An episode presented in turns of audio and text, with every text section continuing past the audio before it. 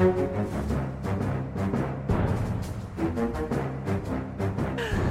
kjør på, Lars. Ja. Nei, Da ønsker vi velkommen til en ny utgave av Aftenpodden. Aftenpostens eh, podkast for politikk og samfunnsdebatt. Veldig formelt. Eh, mitt navn er Lars Glomnes. Vi har med oss Sara Sørheim, kulturredaktør, her i studio i Oslo. Hallo. Og så har vi på fjellet et eller annet sted borti Hauene, eh, politisk redaktør Trine Eilertsen. Hei sann. Hei, hei. Du har rukket å være på tur i dag. Jeg har det. Jeg har vært på tur på Høge Varde, nær fjellet her jeg holder til. Sånn skal I. Buskerud fylke. Mm. Veldig friskusete. Vi skal uh, Ja. gjennom litt uh, forskjellige ting i dag. Bare for å, for å løf, lufte det og løfte det fram. Vi skal snakke litt om Human Rights Service. Uh, og så skal vi snakke litt om eh, Las Vegas eh, Hva skal man kalle det? Altså skytingen. Masseskytings... Masseskytings- Masseskytingshelvete der borte. Ja. eh, og våpendebatten. Og så skal vi vel innom litt Arbeiderpartiet og evalueringen etter den eh, dårlige valgkampen. Og så er det litt sånn ymse. Legg merke til nå, kjære lytter, at Lars veldig proft og ordentlig forteller hva du skal få høre på Aftenpodden. For det har vi øvd oss på. At vi skal være litt mer sånn ryddige i det som heter innsalget. Ja. Uh, om det fungerer eller ikke, det, Det får vi det, sa vi etter hvert, i den løpende evalueringen. Og uh, samfunnsdebatt til side, så starter vi uh, med et av våre store dilemmaer denne uken. Eh, fordi mens Trine har vært da på fjellet, så har Sara og jeg funnet ut at vi må ta grep, i hvert fall starte prosessen med å ta grep om uh, vår uh, ja, omstridte, kan vi si det, intromusikk.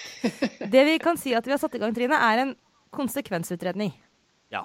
Ja, det, ja, det er en konsekvensutredning. Men, men vi var jo Jeg syns jo det var mye konklusjoner da du gikk ut med den uh, Du sa jo at vi skulle ha ny musikk, Lars. Ja. du la det ut på Facebook. Eh, og det fine er, eh, når man er den på mange måter litt sånn utøvende grenen av dette lille styresettet vi har, da, eh, er jo at det, det trenger ikke å være heldemokratisk. Nei. Det, er- eller, Nei. det, det må komme inn på riktig tidspunkt i prosessen. da, Og når du, Trine, har vært på fjellet, så skjer det ting. Det må Ja. du bare leve med. Ja, ja, ja, nei, det må du bare leve med. Må, Men- det minste kravet er jo at man er til stede i sånne prosesser. Det er helt riktig. Men dette har blitt litt vanskeligere. Altså, jeg og Lars eh, begynnelsen av uka gikk veldig sånn inn i uka med et mål om at den eh, intromusikken som dere jo nå akkurat har hørt, kjære lyttere, er, eh, den var jo på et tidspunkt sånn, Det var ironisk at vi valgte ut den. Eh, Ja, og så har vi Vi hører jo aldri på den, så vi har liksom glemt litt at vi starter på den måten. Men vi var sånn Det her Nå er vi blitt Det høres uprofesjonelt ut, vi må gjøre noe med det. Så jeg var veldig klar for å bare skifte, men så jeg, eh, fikk jeg akutt identitetskrise på vegne av Aftenpodden, og nå er jeg veldig usikker, så vi trenger hjelp. Ja, så da har vi fått en del gode innspill på Facebook-siden våre. Og Og det jeg er jo barn av 90-tallets ironi, så jeg er veldig glad i ironisk musikk. Men jeg vil jo si at vår, vår utfordring her er jo at vi har verken et purpose eller et why. Og da er det jo ikke så lett å lande på dette grepet. Og så er det kort sagt Altså, vi er jo alle eh, deler av eh, ulike sjatteringer av ironigenerasjonen, så vi klarer jo ikke å finne noe vi mener er inderlig fint og representerer oss på et ypperlig vis. Det er jo helt håpløst. Men eh, det, vi, vi bare vi oppfordrer da våre lyttere til å komme med innspill på, på Facebook. Ja, hva slags intromusikk skal vi egentlig ha? Ja, hvordan gjør man dette her på, på en ålreit måte? Men noen kan, den som gidder å lage en intromusikk, den, det ville jo vært noe. Ja. Det, så her, her Det er det vi prøver å si, til er Trine. si. Oss, men, eh, men eh, det er nå en gang sånn. Eh, Vi kan jo med, med det mens vi er i gang og bare opp, si til alle, for det er også en sånn profesjonell ting at man kan si hvor, hvor denne podkasten finnes. da, Hvis noen bare ramler inn uten at jeg vet, hvordan, så er vi i iTunes og alle ting som eh, det går an å høre podkaster i, og nå på Spotify. Ja. Som er eh, veldig moderne. Så da, Vi tar som alltid imot innspill, men nå er vi som dere hører, altså, i en veldig sånn selvransakende modus her. Så eh, eh, bare send det inn på Facebook Ja. eller hvor dere vil. Men, eh, Ja, så var det til- samfunnet utenfor Aftenpodden, da. Ja, det fins faktisk.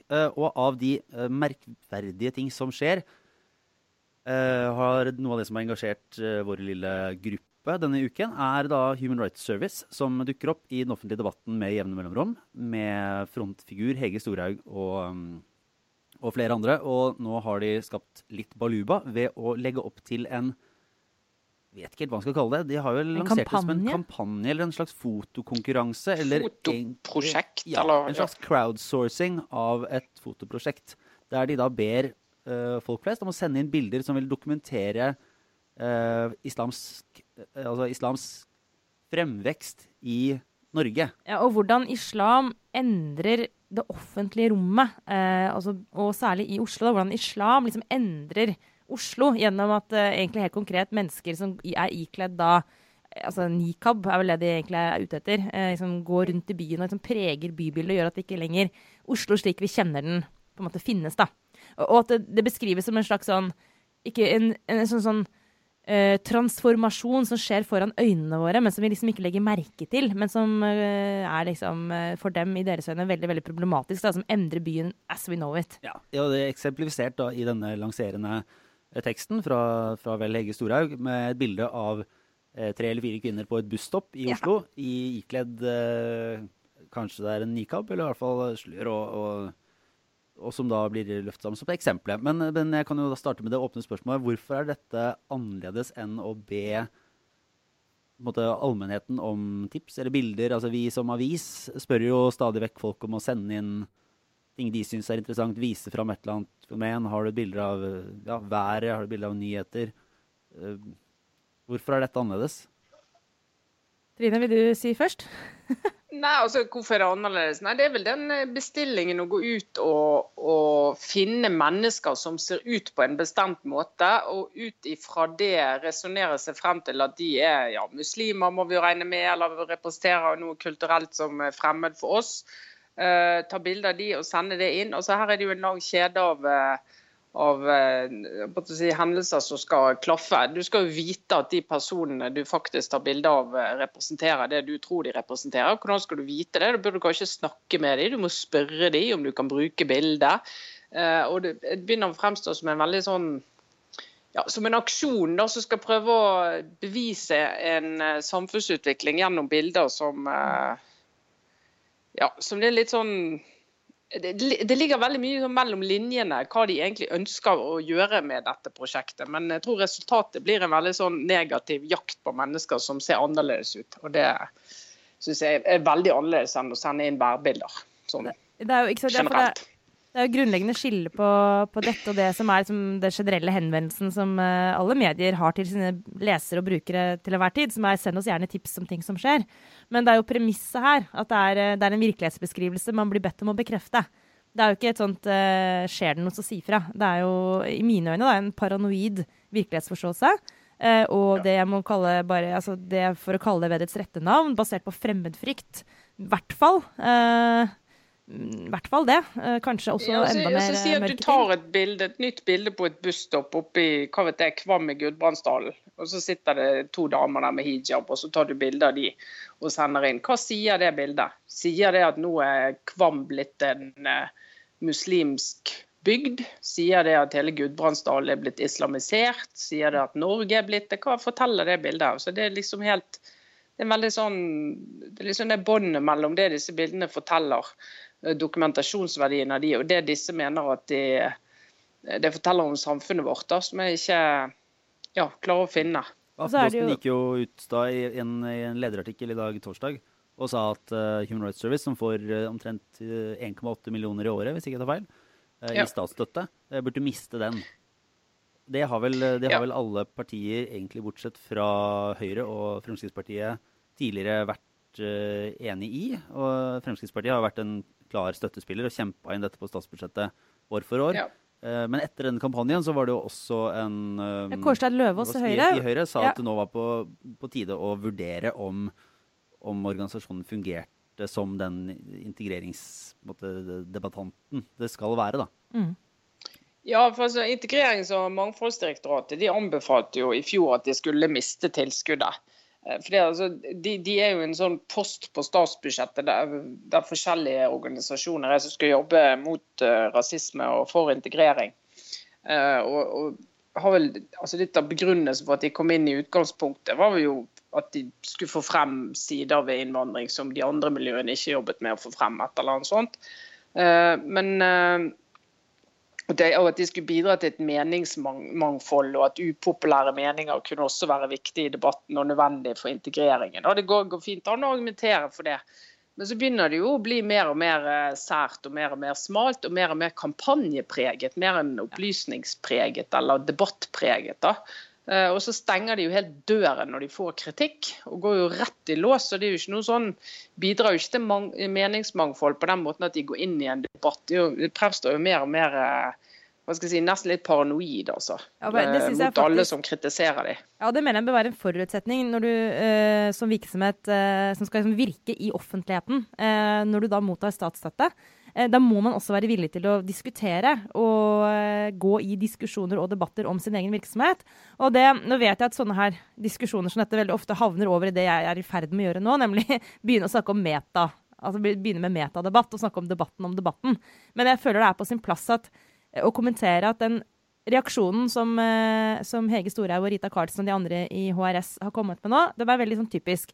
De nekter å svare på spørsmål fra oss, eh, oss som i pressen, når vi prøver å, å, intervjue dem om hva de har tenkt om dette prosjektet.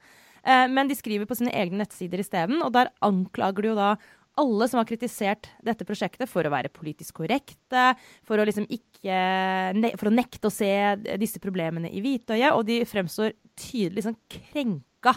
Uh, og de gjør seg selv, i mine øyne, da, dette er min analyse, men de gjør seg selv til ofre eh, for liksom den, uh, et debattklima i Norge hvor det er umulig å liksom, ytre seg hvis ikke du er politisk korrekt osv. Og, så og da ble jeg helt sånn provosert, for de får all mulighet til å komme til orde, men de vil ikke bruke muligheten og foretrekker å, å sitte inne i hjørnet og sutre. Og da tenker jeg, vet du hva, det går ikke. Uh, det er helt greit at vi skal ha et meningsmangfold, men du må, du må alle har et ansvar for å drive den debatten og sørge for at den blir god. Når de nekter å delta, så er det litt eh, svakt å samtidig forbeholde seg retten til å klage over at den debatten ikke er god nok. Sant? Så det mener jeg i seg selv er et poeng faktisk når det gjelder de statsstøttede virksomhetene. De må bare skjerpe seg. Jeg er helt enig. og si, Denne uken uh, gikk vi inn for at de skulle miste statsstøtten. Det, det skrev vi på lederplasser. Det er ikke, ikke, mange ukene siden vi mente at Islamsk råd skulle gjøre det av, av beslektede grunner. Da. Altså, ikke fordi at de har foto, uh, fotoprosjekter, men fordi at de ikke, klar, ikke oppfyller den rollen de skulle. Så som lå i, i, grunnen til at de får statsstøtte. Da. Så du må jo, må jo altså, I disse tider må vi være nøye med hva vi bruker pengene på. Kan vi bruke det på alt mulig fjas. Kan heller ikke bruke det på å eh, få resten av Moods of Norway opp av eh, søla, f.eks. Som jeg nå, i en helt annen parallell virkelighet, også irriterer meg over. At de nå har eh, altså Det kan godt hende at dette går bra, men hvis, det kan godt hende de ikke gjør det. Ja, nå ser jeg at de skal ut og, og um, kjøpt opp sitt eget konkurs, konkursbo og skal satse for fulle mugger igjen. tenker jeg bare nei, please. Bare ja. la det gå. Men ja. Det er det. Men uh, vi uh, en, en, en, nesten umerkelig bro over til uh, den store internasjonale hendelsene denne uka. Uh, uka starta jo med forferdelige nyheter fra Las Vegas. Der det viste seg at denne Steven Paddock, en overraskende nok 64 år gammel mann, hadde rett og slett bygd seg opp et arsenal av våpen, leid seg inn på hotellet i 32. etasje og benytta muligheten til å angripe en altså en titusentalls av det var omtrent 22 000 på denne konserten på en festival i uh, nedenfor. Og han uh, sto der og, og skjøt i en åtte-ti minutter med et modifisert semiautomatisk våpen. Uh, og drepte vel til nå 58 personer før han da drepte seg selv. Mm. Og det, det, er jo det, nok en sånn stor tragisk hendelse. Det har jo vært en debatt om det, om det skal kalles terror eller ikke. Den hopper vi vel litt over her nå, men eh, det får jo på ny den amerikanske debatten om våpensikkerhet og uh, retten til å bære våpen. Ja. Til å komme opp igjen. Mm. Altså når du ser det, de bildene fra det hotellrommet, uh, som vel nå er verifiserte, Lars, at det er For det, stik, det har vært veldig mye Eh, her har det faktisk vært mange falske ikke nyheter, men, men falske opplysninger som har sirkulert. Men, men ja, de, de, bildene som har kommet ut fra, fra hotellet her, og det, det våpenarsenalet Det er liksom helt vilt at et, et, en privatperson kan sitte på det. Det er sånn du, du, ser for deg kanskje at det er noe du kan finne i noen militære enheter, liksom. Men det er jo helt um, For meg, som da den norske personen jeg er, med de lovene og reglene vi har. Det er nesten helt umulig å skjønne at det går an, og at det er lov. Og det var jo, det var jo på hotellrommet. Han har jo båret inn, sa FBI i går vel, ti kofferter med våpen inn på det hotellet. Um, uten at noen har tenkt mer over det. Og så har de vært hjemme hos han da, og funnet eh, også store mengder med våpen og ammunisjon eh, der han bodde. Så han har jo samlet på våpen og ammunisjon i mange, mange, mange år for å bygge seg opp dette ja, arsenalet. Eh, han brukte jo da bare noe av det på denne fatale kvelden. Så blir jo eh, spørsmålet litt sånn politisk og i etterkant her, blir jo den evinnelige debatten om, om våpenlovene. Og der eh, Ja. hadde du eh, også lest noe interessant, eh, Trine, hadde du ikke det? Eh, Ja, jeg Når du har det. sitter på Jeg syns- jeg fjellet det- så plukker opp ting? Ja, ikke så jeg på fjellet har tid til å lese litt. Nei, men det er jo eh, I USA så er jo eh, interessant å merke seg at aksjene på, eh, hos våpenfabrikantene går rett til værs etter en sånn hendelse. Eh, det gjør de alltid. Hvorfor de det? Bare for å stoppe opp der et øyeblikk. Altså, altså, det vil si at de eh, Altså, folk kjøper aksjer i våpenprodusentselskaper? Ja. Ja, fordi at eh, da det blir etablert eh, en eh, frykt for at det skal bli innstramninger oh, ja. i våpenlovgivningen, så da må du skynde deg å kjøpe våpen før innstramningene kommer. Det var også derfor aksjekursen på disse, disse våpenfabrikantene gikk opp da Obama var president. Mm. Eh, og Det var en litt sånn diskusjon om, det var litt så underliggende diskusjon hele tiden om de skulle stramme inn våpenlovgivningen. Gjorde jo ikke det eh, i noe særlig grad, eh, nevneverdig grad overhodet. Og da Trump ble president, så falt aksjen igjen. Ja. Så det er nå bare én interessant side ved det. Men, men det som er jeg leste Ha- Ha- Harry Hahn fra University of California skrev i New York Times om våpenlobbyen, som er så altså NRA, National Rifle Association, som er en sånn svær organisasjon som har liksom ja, balletak, for å si det sånn, på politikere i begge partier i, eh, i Kongressen, eh, og har hatt det i mange år. Så de som står i veien for at det skjer noe som helst med våpenlovgivningen eh, i USA. Det kommer ikke innstramning av USA. og Det han, eh, det han eh, spør, det er hvorfor klarer ikke alle vi som ønsker strammere og strengere våpenlovgivning, hvorfor oppnår vi ingen resultater? Ikke engang når Obama satt i første periode. Altså, vi, vi når ikke frem. Og så går han inn i, for han har forsket på hva det er som gjør at noen eh, sånn grasrotbevegelser klarer å gjennomføre den politikken de ønsker seg, mens andre ikke greier det. Og han sier Det som skiller disse to sidene, det er at eh, NRA eh, de er utrolig godt organisert lokalt. De tilbyr folk eh, eh, trening i å snakke med andre, ledertrening, sosialt miljø. De har klubber, våpenklubber. Mange som kommer inn der, er jo ikke egentlig Det er ikke politiske i utgangspunktet, liksom? De, Overhodet ikke politisk engasjert. De er opptatt av en klubb der de kan øve og skyte med våpenet sitt. Og USA er jo det, det med å eie et våpen er jo en helt annen sånn identitetsmarkør enn det er i Norge og mange andre land. Så Det er ganske vanlig å ha våpen. Du møter opp der, og så møter du et miljø, og så blir du politisert gjennom det miljøet. Jo Mens de på den Mm. andre siden, de ja, der er det mer sånn send en e-post, skriv under på denne, dette oppropet, eh, prøv å ringe en politiker. Men altså, de fins ikke organisert. De har ikke noe ordentlig grasrotbevegelse og har ikke noe ordentlig apparat der ute som gjør at de greier å påvirke politikk. da. Så var det vel, jeg leste den og så interessant å, øh, å lese denne som, som det der det dreier seg om at, at de som er på en måte pro våpen, altså liberale våpenregler, da, øh, de, har, de har noe å kjempe for, og så har de en aktivitet å samle seg rundt. De har en, det er en ting de driver med, som er ganske Ja. konkret, og som de vil bevare, og som blir en identitetsmarkør. Mens øh, de som vil ha strengere våpenregler, argumenterer liksom politisk. for Sånn, sånn burde det være, og peker på disse forskjellige undersøkelsene og, og hvordan ting er. Mens, mens du får et miljø da, på, på våpensida. Det kan jo minne litt om Har tenkt noe på noen norske paralleller også historisk. så litt hvordan arbeiderbevegelsen hadde både kulturelle innslag og drev idretts... um, idrettslag og hele Ja, den favna liksom hele livet. kommer, ja, kommer ut av en sånn 'kom til oss, så skal vi lære deg ting du trenger å, uh, å kunne i livet ditt', og vi skal gi deg underholdning, og vi skal gi deg et, en tilhørighet. Og så ut fra det så bygger vi en identitet som, som gjør at vi kjemper for noe. Men det er utrolig egentlig rett ut av sånn håndboka for eh, hvordan man skal eh, liksom, få gjennom politiske saker i et samfunn. Sånn, hvordan skal man bygge opp fra liksom, aksjonisme til at du bare eh, vinner gjennom med ditt syn?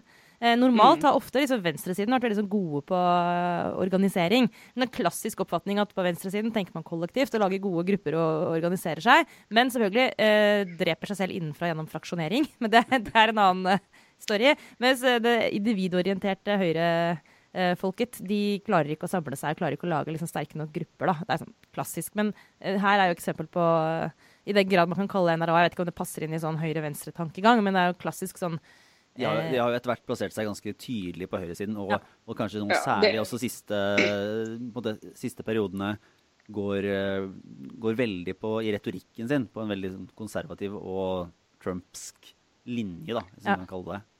Ja, og det er, jo, det er jo dette med å ta vare på seg sjøl og din egen eiendom. Faktisk, altså, Frank Rossavik, eh, vår kommentator, har jo skrevet en bok om det republikanske partiet der det er et helt eget kapittel som er viet amerikanernes forhold til våpen. og Han går egentlig historisk til verks. Når du leser det, så tenker du at ja, nei, men det er ikke så rart at de er opptatt av å ha våpen hjemme. Altså ut fra en sånn ja, historisk og identitetsmessig vurdering, da. Eh, Men så er det jo eh, politisk De har jo en enorm innflytelse politisk, og det er jo nesten ikke mulig å bli presidentkandidat i USA hvis du, hvis du begynner å utfordre de skikkelig. Eh, Så de har en utrolig sånn sterk eh, innflytelse på alle nivåer, alle styringsnivåer. Eh, Og som eh, denne her eh, Harry Han eh, skriver, at eh, da må jo de andre organisere seg like godt. Altså Du kan på en måte ikke sitte og klage over at de andre har stor innflytelse, hvis du ikke greier å, å bygge en organisasjon eh, selv. Jeg må bare brette opp eh, Det er jo litt sånn eh, det er, Egentlig, i den grad jeg er imponert over politikere, folk som jobber i politikken og, organisasjonslivet altså Jeg er jo ofte imponert over det med andre grunner også, men men ting jeg virkelig tenker sånn Vet du hva, det er bra jobba, det hadde jeg nesten ikke orka sjøl. Det er jo den derre møysommelige stein på stein, lag på lag-byggingen. Eh, når du har et Stå stort på politisk stand. Ja.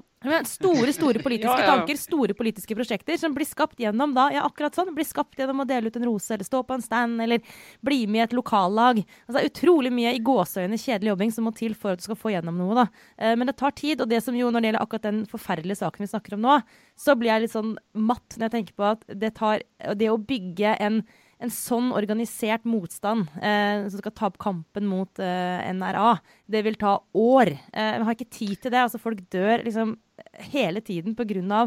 Liksom, dette her mass shooting-fenomenet som eh, egentlig, når man ser det utenfra, det er bare helt sånn absurd at det ikke går an å bare liksom for, for, bli kvitt dette. Det var jo en annen, en annen tekst i New York Times eh, en av de siste dagene, jeg vet ikke om det var, var torsdag eller når det var, om det er en, eh, en skribent sånn altså, at å, hadde det bare vært en, en muslim, vi hadde bare vært en terrorist. Og jeg tror, var det ikke noe som skal tolkes bokstavelig, men den, den besluttsomheten som amerikanske politikere viser i kampen mot terror, Ja. eh, at, at hvor eh, Hvor blir det av den? Ja, hvor Ja. stor kontrast er det ikke til, til den eh, fraværenheten man har når det gjelder et, et lokalt, eller hva skal jeg si, et nasjonalt problem, Mm. som der titusener dør hvert år. da.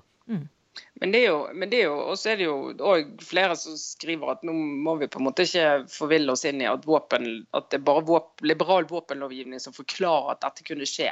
Eh, Det er jo Som alle andre ganger så er det jo sammensatt. Og Vi kan jo bare se på vårt eget land, der vi har hatt en, eh, en, altså en massakre som eh, var enda større.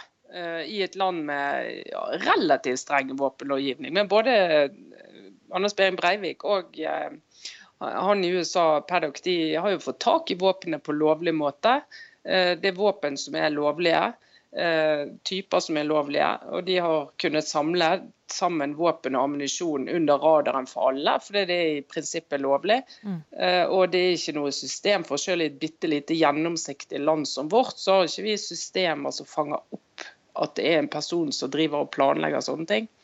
Men ja, Eh, skal vi jo bare tenke oss i USA som er så svært og så mye mer å følge med på hvor krevende det er hvis du har en eh, type som går med den slags planer. det må vel sies at, at det antageligvis fins mer sosiologiske og, og private andre grunner som gjør at disse masseskytingene er et så amerikansk også fenomen og har så mye høyere hendelsesrate der. Uh, Mm. Og så tenker jeg at ja, ok, det er ikke sikkert at våpenlovgivningen forklarer det, men det Det ville hjulpet hjulpet på. Tallene tyder vel på at det kanskje ville vært en fordel hvis ikke det var såpass tilgjengelig. Når, De har en når- enorm når, tilgang på Ja. våpen, da. Men eh, ja, det er jo Jeg tror, jeg tror, jeg tror, det, er fall, det, er veldig få utenfor USA som klarer å si at det er en fordel å ha så stor tilgang på våpen. Det er jo en ting er at det er enormt mange som dreper andre, men det er jo forferdelig mange som dreper seg sjøl hvert år med, mm. med lovlige våpen. da. Men hvis vi skal gå fra det var nesten en liten uh, bro faktisk, fra grasrotengasjementet i, uh, i ulike bevegelser til, uh, til, Arbeiderpartiet, som jo har vært et grasrotparti i alle år. Altså sjølveste bevegelsen med stor B. Nettopp, ja. Vært ansvarlig for mye av det som har vært, vært løftet fram, og, og, gått på den på å legge til rette for hele livet og skape en identitet. Og så gikk det ikke så bra i valget likevel. Og nå har de vært og spurt funnet ut, da, fra 9500 medlemmer av de 50 000 de ba om innspill fra, og så kom de på mandag med sin måte, obduksjonsrapport. Ja. Det kom med hva skal vi si for noe, ja, med, med forklaringen. Eh, I hvert fall noen forsøk på å svare på det store spørsmålet. Ikke 'Why do they hate us?', som uh, Time Magazine spurte etter 9-11, men, uh, men, nesten.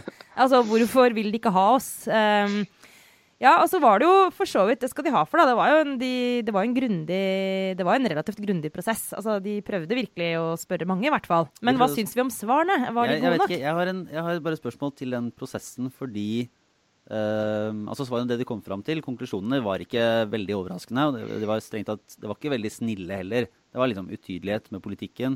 Uh, vanskelighet på å sette dagsorden.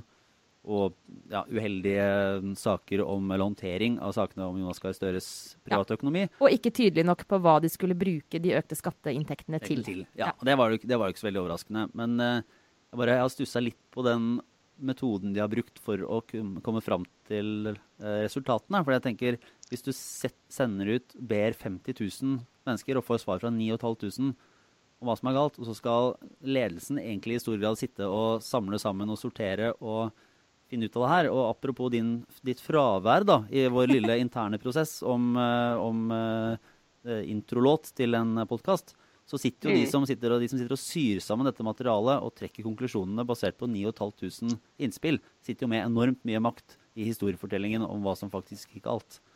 Ja. Og, og, hvordan det ordlegges, kan jo ha ganske mye å si for, hvordan, for oppfatningen av, av, den prosessen. Da. Så mm, det syns jeg er litt interessant, at de har valgt den metoden. Ja, jeg, jeg, så jo ikke pressekonferansen, men det er når vi har hatt sånne eh, undersøkelser internt. Vi, av og til går vi rundt og intervjuer masse ansatte for å spørre hva syns du om desk-prosessen, og hva kan bli bedre, eller et eller annet vi skal forandre, eller arbeidsmiljø, eller et eller annet. Så tar du jo en del sånne utsagn og løfter de frem og viser at dette utsagnet er ganske representativt for det som mange mener, dette utsagnet. Og noen av de er jo ganske skarpe og ganske rå, egentlig. Jeg vet ikke om de viste frem sånne utsagn, eller om de bare har en sånn Denne lille gruppen mener at dette er stemningen i det som ble sagt. Altså det var jo, en, nå må Jeg innrømme, det, altså jeg har ikke sett det interne dokumentasjonen. Det er mulig at de har lagt frem mer for eh, medlemmene sine, og selvfølgelig helt sikkert i, i interne møter. Men, eh, men det som har kommet ut, er jo eh, egentlig først og fremst sånn statistisk altså gruppert i forskjellige forklaringsmodeller, hvor de peker på liksom 9,5 eh, sa seg enig i dette. Altså veldig sånn overordna analyse, som, som, jo mm. har en, en, viss verdi. Men som heller ikke er um, altså Med en gang du gjør sånne liksom, makroaktige grep, så, så, forsvinner også noe av brodden. da. Uh, og så er det jo som Mathias Fischer i, i BT, kommentator i BT, påpekte, uh, ganske sånn lett å ty til uh, å peke på liksom, svikt i kommunikasjonen når du skal komme med sånne forklaringer. Og det gjør Ap i en stor grad at de var ikke tydelige nok på budskapet sitt.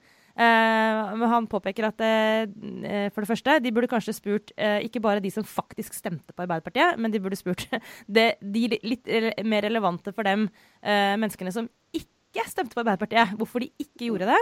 Uh, I stedet for å spørre de som faktisk gjorde det, hvorfor de gjetter at de andre ikke gjorde det. sant? Han peker på mm. den svakheten ved metodikken. Selv om de, det skal også sies, da, de har også lagt ved tall uh, som, hvor de har spurt bredere. Men ikke på akkurat ja, de har. Ja. De har vel hatt en sånn undersøkelse med de som stemte på Arbeiderpartiet i ja. 2013, og så få ut hvorfor gjorde de det ikke nå. Men hans poeng er at de i mye mye større grad burde sett på liksom, grunner til å ikke velge Arbeiderpartiet, og at i det ville de kanskje oppdage da, at det er ikke sikkert at det er kommunikasjonen som er problemet. Uh, har dere tenkt på at det kanskje er politikken? Uh, og det er jo et godt spørsmål. Ja, og Det syns jeg er litt uh, interessant. for altså, De ble jo utfordret på det gjennom valgkampen òg. Ja, er, er, politikken riktig? Har dere lagt dere på rett sted i, ja, i distriktspolitikken, da, som åpenbart har vært et problem for de i skattepolitikken? Uh, og så er det ja, det er riktig fordi det har landsmøtet vedtatt. Mm, blir sånn, ja, for vi har hatt en god prosess frem mot landsmøtet, og så vedtok vi det på landsmøtet, så da er det riktig. Ja, men er det riktig for Norge sett fra et velgerståsted nå? Altså, Er det riktig nok for mange nok? Det er ikke det som heter på blindernspråket en tautologisk forklaring. ja. Jeg, er så glad hver gang du trekker fram noe fra dine mediestudier. hva er det? Medievitenskapsstudier. Mine er utrolig Mine lange, min lange lange periode på Blindern. Nei, det er da jeg drev med Radio Nova. Nei, men altså, altså at, du, at du, du besvarer spørsmål eh, egentlig Du bare finner et svar som egentlig ikke er et svar. Altså Du peker på Ja, det er riktig politikk fordi landsmøtet har vedtatt det. Men bare det ja, sirkulære Sirkulære, svar, da. Istedenfor å uh, gjøre det som vel sikkert uh, veldig mange sosialdemokratiske partier nå i Europa bør gjøre. Uh, som er å, å, å skape en ny sosialdemokratisk politikk. Altså en, en sånn type politikk for vår tid. Fordi den Er, det, er, arbeiderbevegelsen er det nå du ja. skal si Tony Blair igjen? Nei, jeg hadde tenkt å ikke Jeg, skal, jeg hadde tenkt å bare si Nei, og vet du hva? Det, nå, som våre faste lyttere vet, så har jeg, er jeg jo eh, svak for han. Men jeg tror til og med ikke Tony Blairs tredje vei lenger er svaret. Og jeg sitter ikke på det, men jeg, jeg tror vi Altså arbeiderbe Arbeiderbevegelsens stolte historie kan også bli en sånn eh, På en måte eh, bevegelsens egen fiende også. Fordi det er litt lett å lene seg på en del gamle løsninger. Eh, eh, Det er ikke sikkert de oppleves relevante for da går, det, men da går det jo midt inn i en, en klassisk politisk sånn partidebatt om skal man være eh, et parti som s- står fast på dette er vår politikk, det er dette vi vil med Norge, og så skal man lede an og se om velgerne lar seg sjarmere av det og overbevise dem om å tro på den politikken man har stått for. Eller skal man da legge opp politikken litt mer etter hva man tenker kan appellere? Og det er jo, det er jo ikke noe sånn at man Det er ikke noe ja, åpenbart går- svar der, da. Men jeg tenker det går videre enn som så, Lars. Det er ikke bare den der type skal vi holde på det vi tror på, skal vi, skal vi spørre fokusgrupper og heller Nei, det er liksom sånn helt på ekte. Altså det, det, sånn virkelig sånn Hva eh, er egentlig, hvis man er kollektivt anlagt, som tilhører da venstresiden og mener at man må finne fellesskapsløsninger som skal ta samfunnet videre, sånn ja, men er de løsningene vi har riktige? Og da mener jeg sånne så vanskelige spørsmål som fungerer sykelønnsordningen? Eh, Altså, men he- gå helt inn i sånn oppleste og vedtatte sannheter om slik man vil gjøre det i velferdssamfunnet. Og, og, og jeg, mener, jeg, jeg sitter ikke her og vet hva som er svaret på det. og Jeg skal ikke liksom fortelle Arbeiderpartiet hvordan de skal lage sin politikk. Men jeg tror liksom det kunne vært et godt tidspunkt å gå litt inn i liksom kjernen. Fordi det er jo ikke bare i Norge at akkurat de sosialdemokratiske partiene virkelig sånn har, har bare mista grepet på velgermassen. Det virker å være et sånt generelt problem for eh, disse partiene i, overalt i Europa. Og der, Men det er jo eh, ja. Ja, nei, jeg bare skulle bare si helt til slutt at jeg syns jo egentlig det er litt fascinerende at Arbeiderpartiet, eh, gamle styringsørnen, har klart å bruke fire år på å utvikle så lite ny og interessant politikk at velgerne forlater de. Altså Det er som om partiet har brukt de fire årene på å bare si at OK, vi måtte puste ut etter forrige gang vi satt i regjering, eh, og få liksom krefter igjen til å gå inn i regjering på nytt. Og så må vi gi et sånn skinn av at vi er på gang med noe nytt. Og så har de ikke klart å overbevise velgerne om at det er om at det er altså ikke overbevisende nok det de skal levere til at mange nok tenker at nei, vi må ha en ny regjering, vi faktisk. Mm. Og det er jo, altså Da holder det jo ikke å bare si at vi må være tydeligere de neste fire årene og slutte å være med på forlik. Bare, du må nesten ikke si det for å bli irritert. Eller lager sånn, Men, vi må, eh, vi må lage bedre mediepakker. Ja, ja mediepakker. Det, fyrer meg, det er sånn som fyrer meg skikkelig opp. Det er, eh, når eh, Man hører ofte Ap-folk referere til liksom, valgkampen, så snakker de om sånn Ja, og så var vi ikke helt fornøyd med mediepakkene. Da ble jeg Og, sånn og det, det er sånn helt 2005-måte å tenke valgkamp på. Mediepakker, ja. Så- Og så, ja, og så kom vi ut to uker for seint med det. Så var det liksom, men det er ikke sånn lenger at dere kan ringe NRK og få en eksklusiv ti minutter på Dagsrevyen med den mediepakken. Vet du hva, Jeg tror faktisk ordet mediepakke definerer hele problemet til hele sosialdemokratiet i hele verden. Slutt med det. Finn, finn, bare begrav det ordet, så skal du se at mye er gjort. Det er 52 sekunder mellom Sara Sørheims 'Jeg skal ikke komme med en forklaring på dette her', og 'Dette definerer hele problemet. Min, Men, min ja. åpne holdning til ikke komme med forklaringer for at, er hardt tilkjempet. for at du skal rekke å komme deg ut i verden sånn som du oss her, da, Du, jeg må løpe i barnehagen snart. så Ja. har du en eh, liten obligatorisk refleksjon, vår eh, faste spalte, å ta med deg inn i helgen og uka som kommer. Jeg ler og ler nå. Nå begynte jeg å le igjen. For det. det er så gøy. Jeg skal legge den ut på Facebook eh, på trikken på vei til barnehagen hvis ikke vi har gjort det allerede, Lars. Nei. Eh, Altså, det er stakkars Det er Theresa May sin tale i går.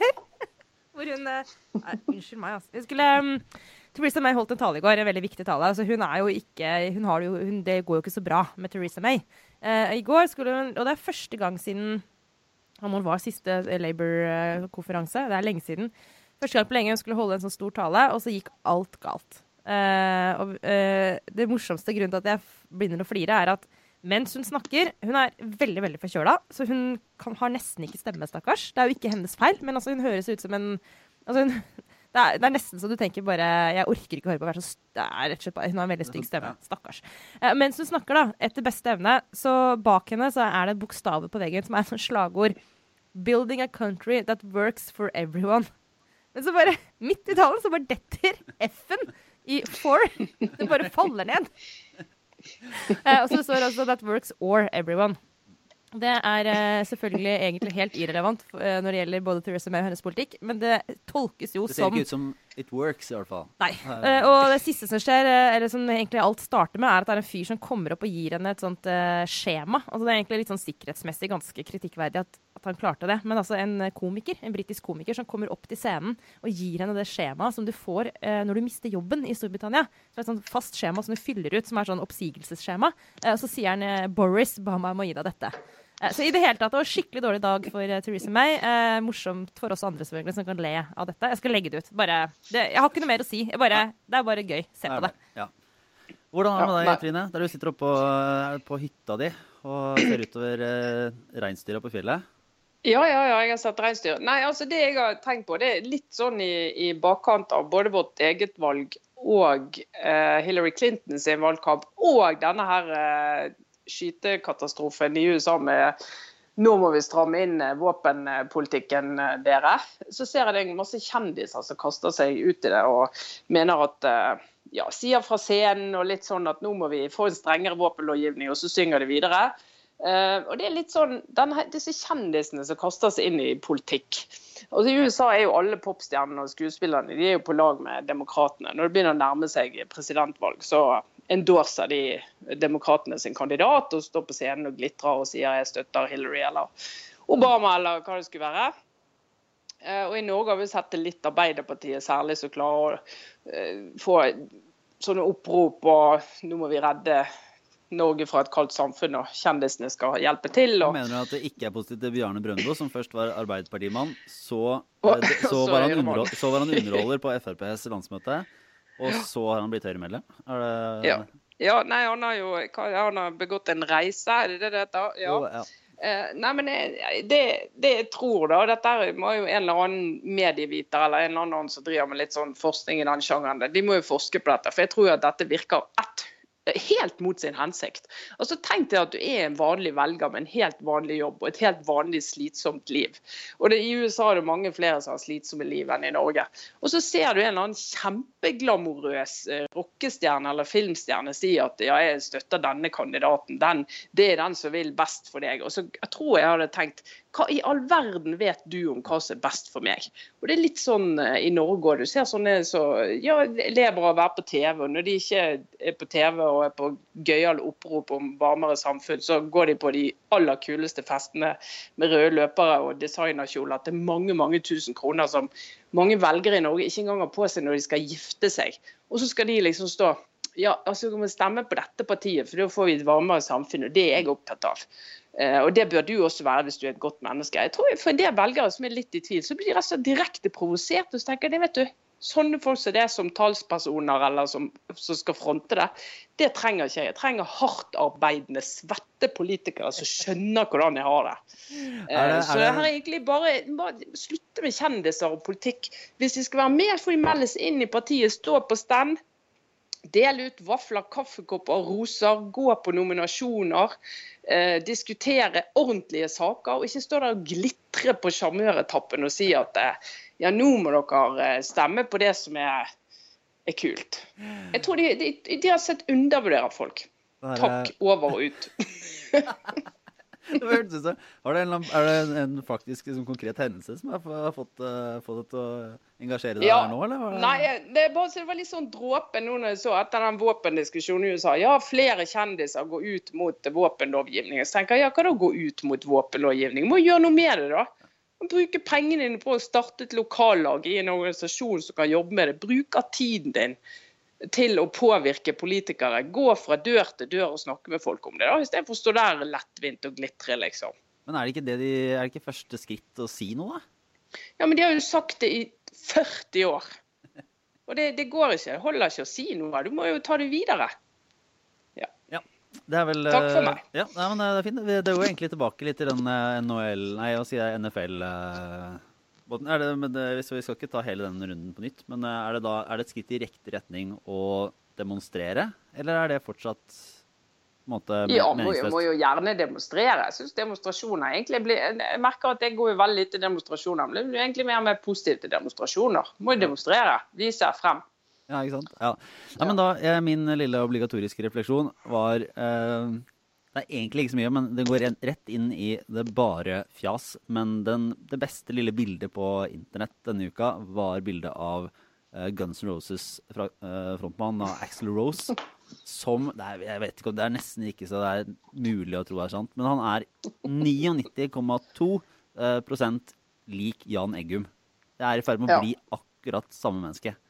Uh, Det og det er, et, det er bare et vakkert lite øyeblikk da det kom opp på, på skjermen eh, min. Så det hvis, eh, hvis hvis jeg i løpet av de neste dagene litt, eh, skulle være mot formodning litt eh, nedfor, så skal jeg tenke på det, og så skal jeg bli glad igjen.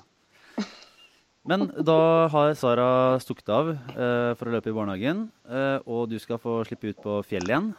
Jeg skal eh, traske videre gjennom dagen, så da takker vi for oss. Og så anbefaler vi alle å følge med på Facebook-siden vår, og så skrive i iTunes for de som hører på oss der. eh, skrive en sånn eh, rating, sånn at vi får masse stjerner og kan sole oss i glansen av å ligge høyt på listene. Og så må du huske å feire bursdagen din i dag, Lars. Og det skal jeg gjøre. Ja, Takk, ja, gratulerer. Det er, det, eh, det er alvor når man tar pause i bursdagen sin for å lage podkast. Så Get, get a life, ja, kan du også si. Ja, det skal nok være litt annet. Men uh, også er det å høre på oss i Spotify hvis man har lyst til å prøve det. Det er også en uh, fin måte. eh, som kan anbefales alle andre som ikke skjønner de mer avanserte lyttemetodene. Og så takker vi for oss, eh, Trine. Gjør vi ikke det? Du er tilbake Jo. neste uke. Absolutt. På plass. Da ses vi. Takk for oss. Ha det. Ha det. Ha det.